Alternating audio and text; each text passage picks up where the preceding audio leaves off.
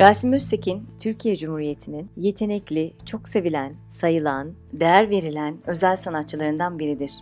Maalesef kısa bir süre önce aramızdan ayrıldı ama onun gibi kıymetli bir sanatçının yaşamış olması bu topraklar için bir umuttur. Sonuçta bu topraklarda o ve onun gibi kıymetli insanlarla aynı havayı solumuş olmak e, benim geleceğe dair ister istemez içine düştüğüm karamsarlığı silip atmakta. Çünkü diyorum ki böyle insanlar da var olabiliyor demek ki. Böyle insanlar da var işte.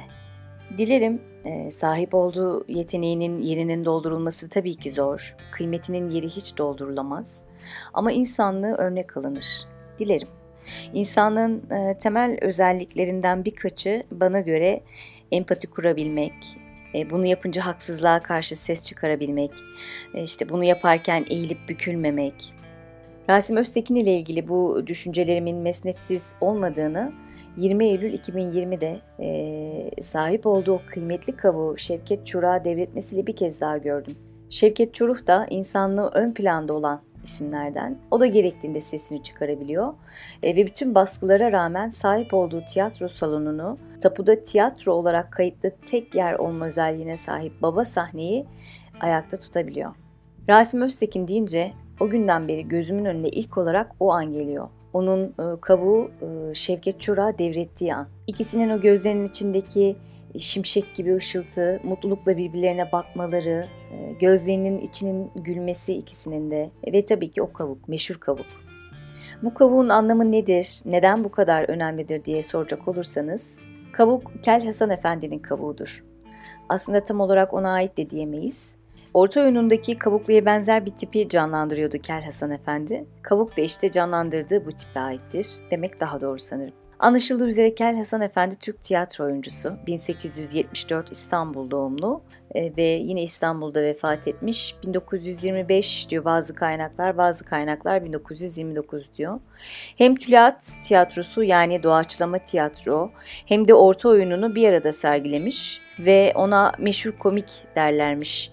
Tıpkı Abdülrezzak Abdi Efendi'ye dedikleri gibi. Abdülrezzak Abdi Efendi'nin yarattığı ibiş tiplemesini uzun yıllar sahnede yaşatmış. Bu arada Abdülrezzak Efendi de Osmanlı tülyat sanatçısı. Önemli bir isim o Batı tiyatrolarındaki soytarı tipinden esinlenerek ilk kez Kabuklu Hamdi Efendi'nin topluluğunda e, yüzünü boyayarak ibiş tipini meydana getirmiş. Ve bu tiple oynadığı oyunlarıyla İstanbulluların uzun süre gözdesi olmuş.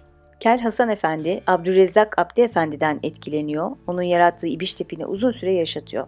Ee, geleneksel Türk tiyatrosunun son temsilcisi olan İsmail Hakkı Dümbüllü'yü yetiştirmiştir Kel Hasan. Türk tiyatrosunda simgesel bir değer haline almıştır e, fesiyle kavuğu e, ve bunları öğrencisi İsmail Dümbüllü'ye bırakmıştır. Orta oyunundaki kavuklu tipiyle özdeşleşmiş bir e, aksesuar bu kavuk ve orta oyununu temsil etmekte. Geleneksel bir törenle devredilmekte. Bu arada Kel Hasan Efendi'nin fesi de aynı şekilde geleneksel bir törenle devredilmekte. E, fesinin de tülyat sanatını temsil ettiği kabul edilmekte.